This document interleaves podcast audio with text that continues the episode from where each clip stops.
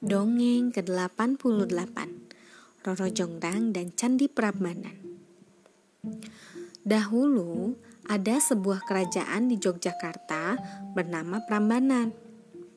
Kerajaan itu dipimpin oleh raja yang adil dan bijaksana bernama Prabu Baka. Suatu hari kerajaan Pengging menyerbu kerajaan Prambanan.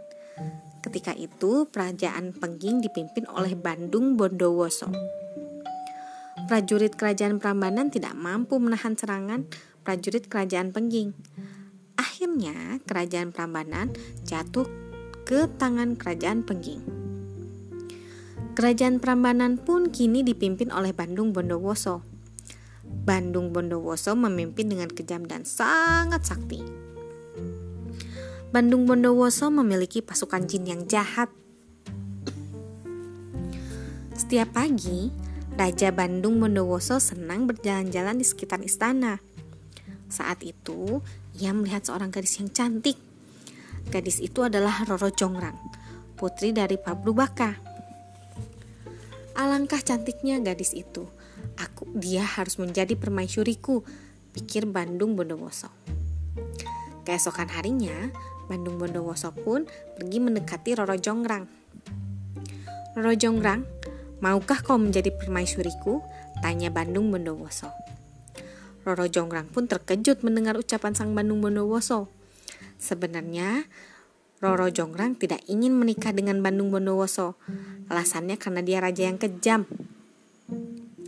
Apabila Roro Jonggrang menolak, dia takut sang raja akan marah. Jika itu sampai terjadi, keluarga dan seluruh rakyat Prambanan akan celaka. Setelah berpikir, akhirnya Roro Jonggrang pun mau menerima pinangan Bandung Bondowoso. Namun dengan satu syarat. Aku bersedia menikah denganmu, tapi dengan satu syarat.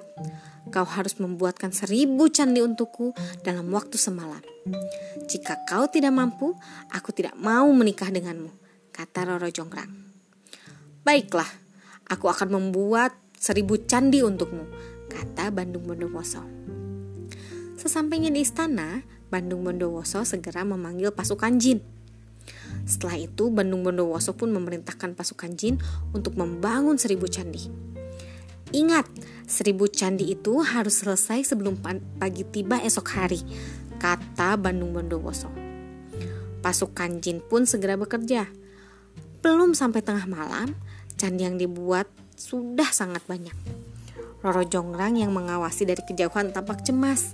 Dia mencari akal untuk menggagalkan pembangunan candi itu.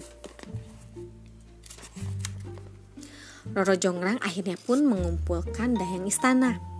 Dayang-dayang, tolong kalian kumpulkan jerami itu.